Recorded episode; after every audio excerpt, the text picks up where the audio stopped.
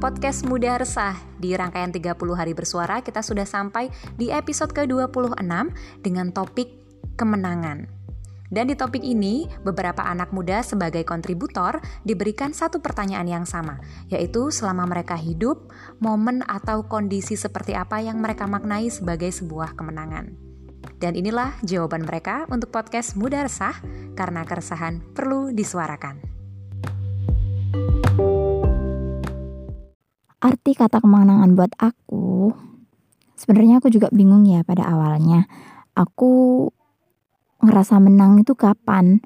Jadi aku berpikir banget berpikir keras dan ternyata aku baru menyadari kalau aku ngerasa menang waktu aku tahu bahwa aku benar-benar bisa kasih asi eksklusif buat anakku selama 2 tahun setelah melewati berbagai macam perjuangan drama dan nangis-nangis berdarah-darah. Itu semua tuh bener-bener bikin aku lega banget karena aku udah bisa kasih asi eksklusif 2 tahun sama anakku. Jadi waktu dulu awalnya di hari pertama kelahirannya anakku itu dia emang punya yang namanya tangtai jadi dia beneran gak bisa menyusui langsung dari uh, breast aku gitu. Jadi harus uh, kalau orang yang punya uang pasti melakukan sebuah operasi untuk anaknya. Tapi itu adalah jalan pintasnya. Kalau misalnya mau dilatih pun itu juga bisa sebenarnya. Dilatih terus menerus itu bisa. Jadi aku optimis banget aku mau latih anakku supaya dia bisa direct breastfeeding. Cuman itu ternyata nggak gampang dan dia baru umur 5 bulan baru bisa uh, bener-bener bener-bener lancar menyusui. Selama itu aku perah terus asi aku aku keluarin aku taruh di botol dan aku kasihkan ke dia tapi bukan lewat dot tapi lewat sendok. Jadi bener-bener aku sendokin. Dan itu bener-bener perjuangan sekali karena dia kasihan kan emang nangis-nangis. Cuman kita butuh itu uh, butuh melakukan itu semua supaya kita bisa kasih asi eksklusif. Aku nggak mau soalnya pakai super dan uh, suami aku alhamdulillah juga mendukung itu semua. Jadi kita harus kasih yang terbaik untuk anak kita. Dan waktu dia bener-bener udah lulus asi 2 tahun itu bener-bener ngerasa menang banget sih. Alhamdulillah banget. Halo, aku Dena dan usiaku saat ini adalah 25 tahun. Terkait pertanyaan kakak Vini tentang apa sih yang terlintas atau memori apa yang teringat kembali saat mendengar kata kemenangan. Wow, it's quite interesting question. Um, kalau seumpama pertanyaan ini dilontarkan di tahun 2012 lalu, mungkin akan dengan mudah menjawab saat aku lolos PTN, lolos beasiswa. Dan jika pertanyaan ini dilontarkan tahun 2016-2017, mungkin juga dengan mudah menjawab saat wisuda, saat sudah lulus S1, melihat orang tua bahagia dan bangga. Jadi aku merelasikan kata kemenangan dengan sebuah achievement. Aku merasa menang saat aku mendapatkan sesuatu atau berhasil meraih tujuanku. Tapi kalau untuk saat ini, saat mendengar kata kemenangan yang terlintas bukan hal seperti achievement atau hal-hal yang besar. It's just about a simple thing seperti aku berhasil dealing with my self, ya. Saat aku berhasil mengendalikan diri not to let others know about my negative feeling. Ya, mungkin ini hal yang simple bagi beberapa orang, tapi untuk orang yang tipenya mudah menceritakan atau mudah mengekspresikan perasaan seperti aku, it's quite hard to control myself. Jadi, aku di masa ini, di usia ini, merasa menang saat aku berhasil untuk tidak update status saat aku merasa capek, saat aku punya masalah.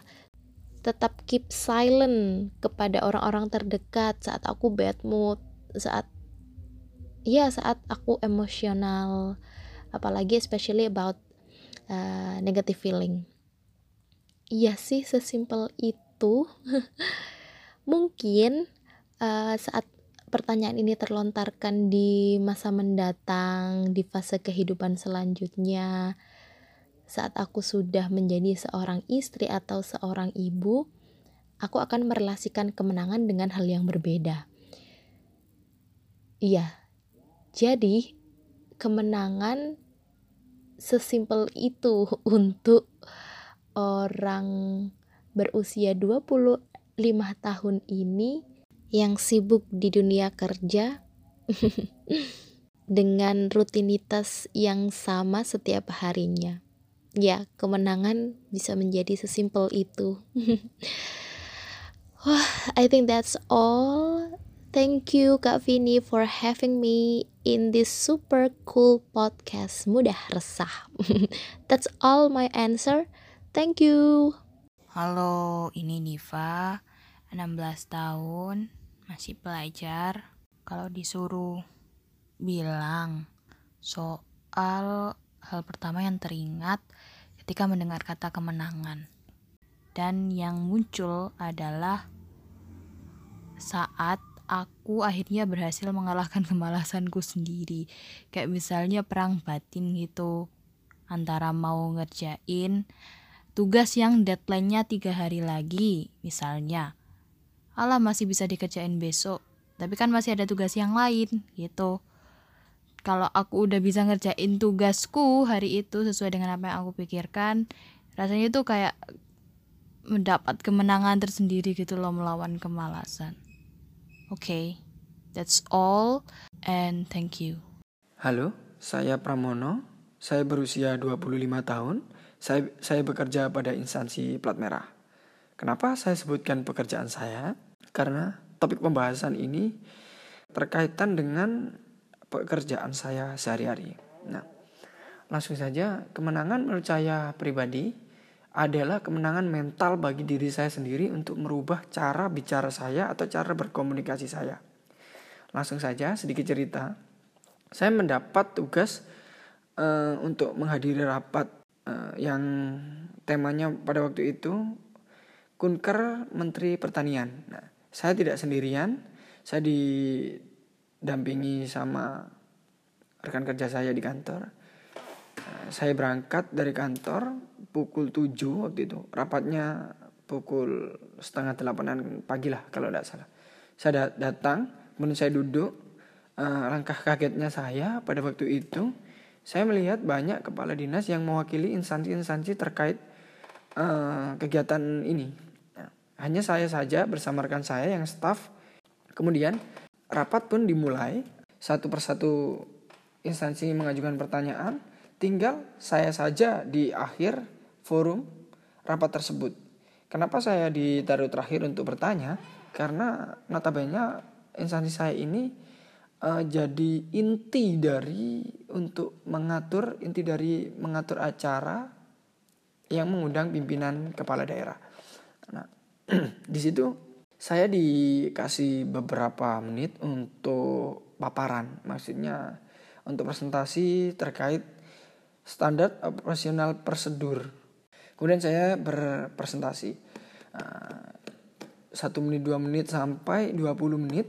Jujur, ini pengalaman pertama kali buat saya untuk presentasi di depan banyak kepala dinas atau pejabat pemerintah. Nah, Pada waktu itu saya gugup sekali, gugup, gugup segugup-gugupnya. Karena apa?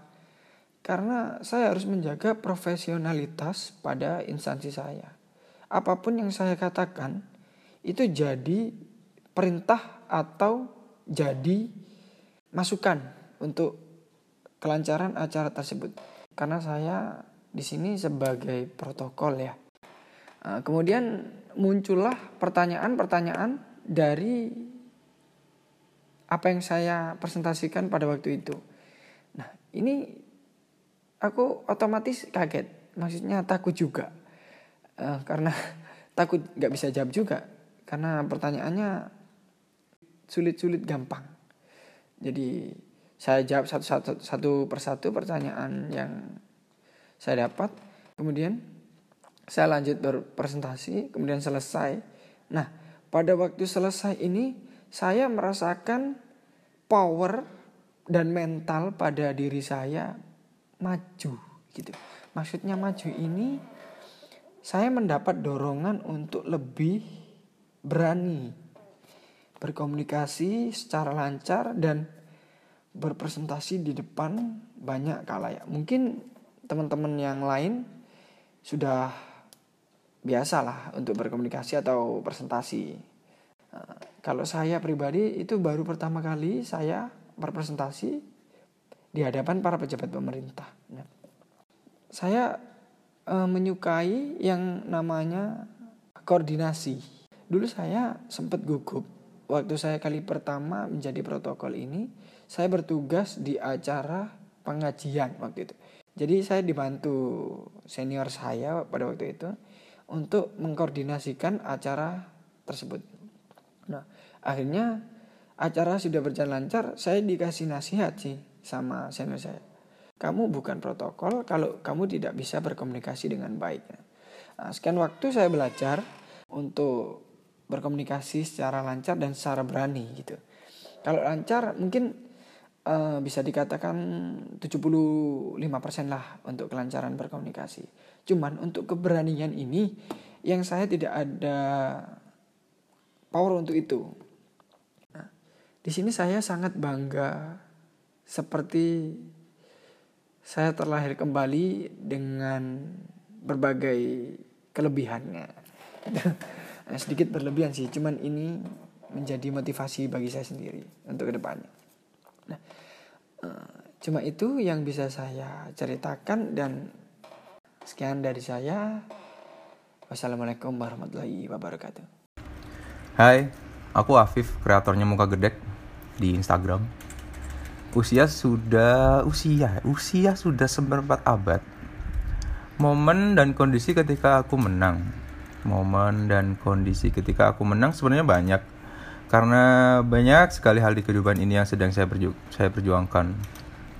Entah itu berhasil atau gagal namun momen yang paling menang bagiku adalah ketika aku berhasil menaklukkan Gunung Semeru. Untuk cerita lengkapnya bisa langsung dicek di Instagram Muka Gedek at Muka Gedek Langsung scroll ke bawah cari komik dengan judul katanya mau muncak yang episode 1 paling bawah yang covernya warna-warni pokoknya. Di sana dijelaskan perjalanan pertama kali saya naik gunung dan ke puncak Mahameru yang saya kemas secara apik menjadi sebuah komik di follow ya. Sedikit cerita perjalanan Mahameru tadi.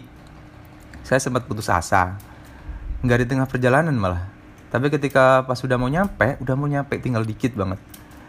Saya berhenti karena lelah dan menangis karena merasa payah sih. Sendirian di tengah pasir Semeru. Itu mungkin kurang kurang 20% lagi buat nyampe ke puncak itu. Tapi udahlah aku merasa cukup untuk tidak lanjut lagi udah berhenti di sini aja udah cukup menurutku ini udah udah sangat jauh bagiku untuk bisa ini sebuah pencapaian yang besar namun karena dukungan teman-teman yang lain dan orang yang ada di sekeliling akhirnya saya menyelesaikan perjalanan sampai ke puncak teratas puncak Mahameru yang mau saya garis bawahi dari kisah saya adalah uh, kamu bisa melakukan sesuatu yang bahkan kamu sendiri nggak percaya akan bisa melakukannya. Banyak sekali hal mustahil di hidupku. Naik ke puncak Mameru salah satunya. Tapi karena yakin dan mau berusaha, akhirnya tercapai. Dan juga berada di atap tertinggi di Pulau Jawa. Dari kondisi itulah yang menjadi titik balik kehidupanku untuk seumur hidupku untuk memandang sesuatu tentang memenangkan sesuatu. Bahwa sesuatu yang menurutku gak mungkin untuk dicapai, akan terwujud dengan usaha dan kerja kerasmu. Waspadalah, waspadalah. Halo, aku Siva Hilwiatul Mutiah. Kemenangan bagiku ketika aku berhasil memenangkan ego dan emosi. Aku tergolong manusia yang kerap kali berekspektasi setinggi mungkin, sesempurna, dan kadang lupa jika keadaan punya caranya sendiri untuk membentuk akhir bahagia pada setiap manusia. Ya nggak semudah yang dibayangin buat ngedapetin bahagia, iya kan? Mau makan aja harus nunggu hidangan selesai diolah, apalagi hidup. Nah, ekspektasi yang tinggi, keadaan yang nggak sesuai dengan apa yang udah aku ekspektasi ini bikin aku kecewa dong ya kan? Pasti. Dan kadang sempet muncul di pikiranku Tuhan itu adil nggak sih ke aku? Kenapa aku harus nge ngedapetin kayak gini gitu. Sampai pada saat tertentu Tuhan menunjukkan keajaibannya dengan mengabulkan harapanku. Ya pastinya nggak yang tiba-tiba bim salah bim muncul gitu. Apa yang aku minta? Enggak setelah pertarungan yang sengit nih wah pertarungan yang sengit antara emosi dan ego untuk bisa mencapai titik itu yaitu titik ikhlas. Ya mengikhlaskan apa pun itu entah mengikhlaskan yang ya pasti yang sangat sulit adalah mengikhlaskan ketika sesuatu itu tidak sesuai dengan harapan kita dan ketika kita tidak bisa mengikhlaskan, tidak bisa menerima, otomatis kita tidak bisa dong memahami arti rasa syukur, mensyukuri apa yang sebenarnya sudah kita dapat. Jalan tol yang mulus aja nih ya, kalau dilewatin tetap aja kan ada rasa gelombang-gelombangnya gitu. Apalagi hidup yang sudah nyata antara bahagia, sedih, seimbang, seirama karena kita nggak mungkin bakal mengenal bahagia ketika kita tidak merasakan rasanya sedih, kecewa. Whatever you are, be a good one gitu aja deh. But somehow uh, rasa lelah dan ingin menyerah mencoba buat berhenti untuk sesuatu yang udah diperjuangin itu kadang menggoda gitu ya. Tapi setelah bertarung dengan diri sendiri, tahu dong harus maju atau memang berhenti karena sesuatu akan tetap terasa nggak mungkin sampai kita bisa melewatinya sampai kita bisa menyelesaikannya dan ya just finish what you start. Hai aku Lukas umur 20 sekian. Jadi selama 20 tahun lebih merasakan hidup di dunia banyak banget momen-momen yang bisa didefinisikan sebagai momen kemenangan. Entah itu menang secara akademis di kelas atau menang ketika berkompetisi mewakili sekolah. Tapi aku sadar ada satu momen kemenangan yang menurut aku itu benar-benar melekat dan aku sangat mensyukuri itu aku mensyukuri Tuhan memperbolehkan aku untuk merasakan kemenangan itu jadi kemenangan yang aku maksud ini adalah kemenangan atas pilihan hidupku dan bisa bertanggung jawab atas apa yang sudah aku pilih sampai sekarang.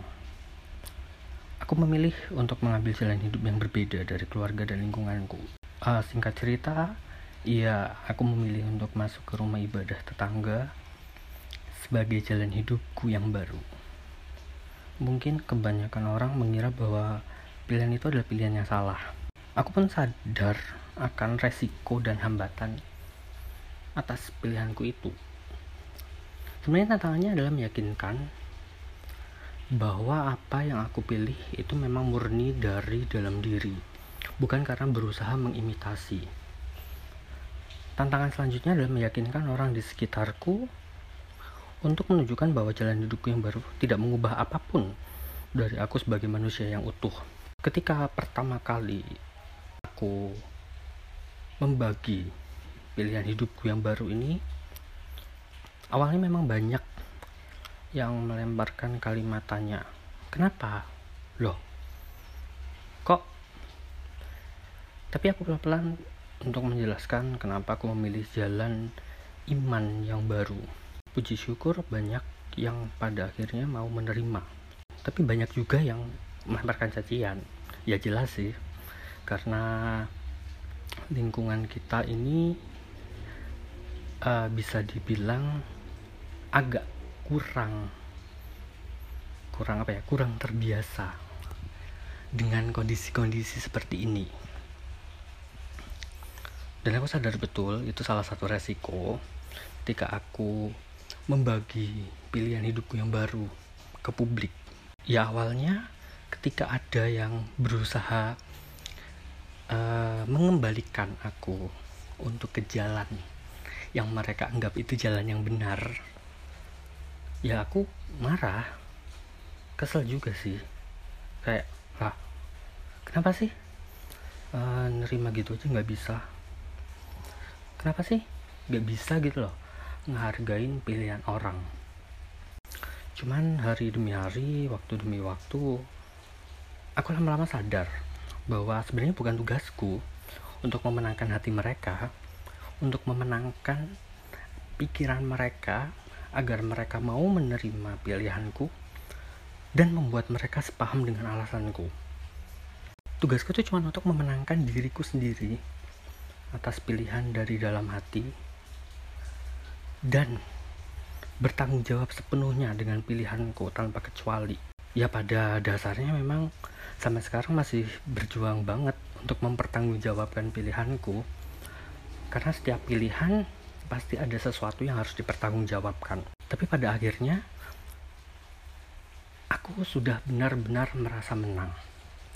Merasa menang atas diriku bahwa pada akhirnya aku memutuskan bukan karena pengaruh orang lain, bukan karena aku melihat orang lain, tapi aku menang atas pilihanku yang benar-benar murni ini pilihanku.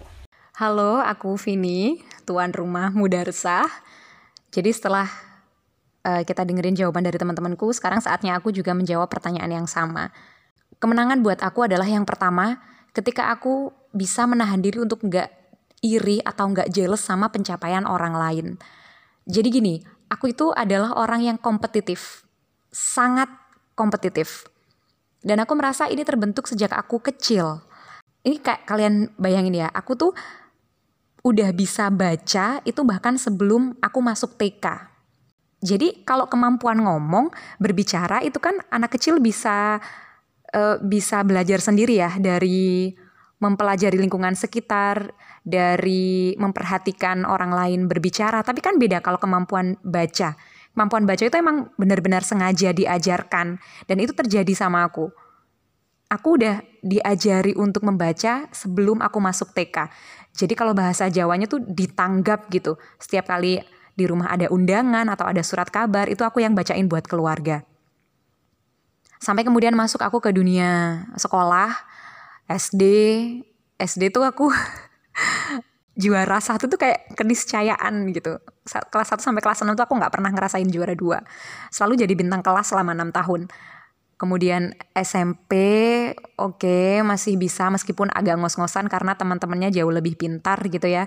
Saingan-saingannya lebih banyak. Kemudian masuk ke SMA juga pesaingnya lebih banyak, tapi masih masih oke okay lah pencapaian akademik. Jadi kayak 12 tahun itu duniaku sekolah belajar organisasi lomba, sekolah belajar organisasi lomba. Ya gitu, gitu terus. Dan pernah pernah satu semester kelas 2 kalau nggak salah kelas 2 SMA itu peringkatku itu turun di peringkat keempat di kelas. Itu aku tuh ngerasa kayak uh sebuah kegagalan hidup banget gitu. Gara-gara peringkat peringkatku turun. Padahal waktu itu aku ngerasa peringkatku turun itu karena aku terlalu banyak ikut kegiatan di luar sekolah kayak kegiatan organisasi atau uh, ya kompetisi pokoknya gitu-gitulah sampai kemudian aku keteteran di pelajaran sekolah, pelajaran reguler akademiknya. Jadi kayak gitu. Ya mungkin kedengarannya kayak aduh. Sungguh kegiatan yang membosankan sekali seorang Vini di zaman sekolah gitu ya. Kemudian masuk ke dunia kampus, wah itu aku sempat apa ya minder, minder dan shock gitu ya bisa dibayangin kayak 12 tahun tuh aku bisa selalu menguasai medan. Kemudian dunia kuliah dengan banyak teman-teman yang dari berbagai daerah, berbagai tingkat kepintaran itu aku sempat minder dan sempat shock karena mereka banyak yang jauh lebih pintar daripada aku. Akhirnya aku harus adaptasi, aku struggling banget di tahun-tahun pertama kuliah untuk bisa ngejar supaya kemampuanku minimal sama sama teman-teman sekelasku. Oke, kemudian dunia kampus ini ya uh, dengan IPK yang masih masih sangat bisa diselamatkan dan bahkan aku tuh masih bisa aku melaut lulus, tapi aku masih ngerasa aku harusnya bisa lebih lebih dari nilai itu gitu. Dan kalau di kampus itu kan ada istilah ini ya, mawapres. Itu kayak eh uh, satu gelar yang sangat aku impikan. satu gelar yang aku impiin banget mawapres. Dan waktu itu yang jadi mawapres utama adalah temenku, teman sekelas, ya temen teman akrab lah. Kalian pernah dengar istilah gini gak sih? Kalah itu sakit dan perihnya jauh-jauh lebih perih kalau kamu kalah dari temenmu sendiri. itu aku itu aku rasain banget di kasus Mawapres ini karena aku nggak dapet dan yang dapat itu temenku ya karena memang dia pinter dan dia hard worker banget. Ya menurut aku temanku ini memang dia layak sih mendapatkan mendapatkan itu dibanding aku yang masih banyak malesnya. Dan kemudian sampai setelah kuliah itu tuh masih masih sering aku rasain ketika aku melihat teman-temanku.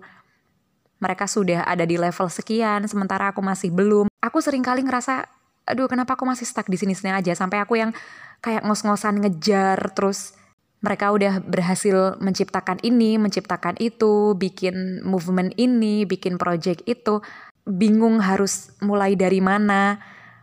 Kayak banyak hal yang pengen aku capai tapi aku jadi nggak fokus. Nah itu kayak uh, secara psikologis kayak kesiksa sendiri gitu. Kayak nggak nggak bisa santai gitu jalani hidup akhirnya aku belajar belajar belajar ternyata menjadi kompetitif itu nggak selalu bikin kita sehat secara mental dan sampai dengan hari ini aku masih belajar untuk nggak jealous atau nggak iri dengan pencapaian orang yang kalau itu memberi energi negatif ke aku.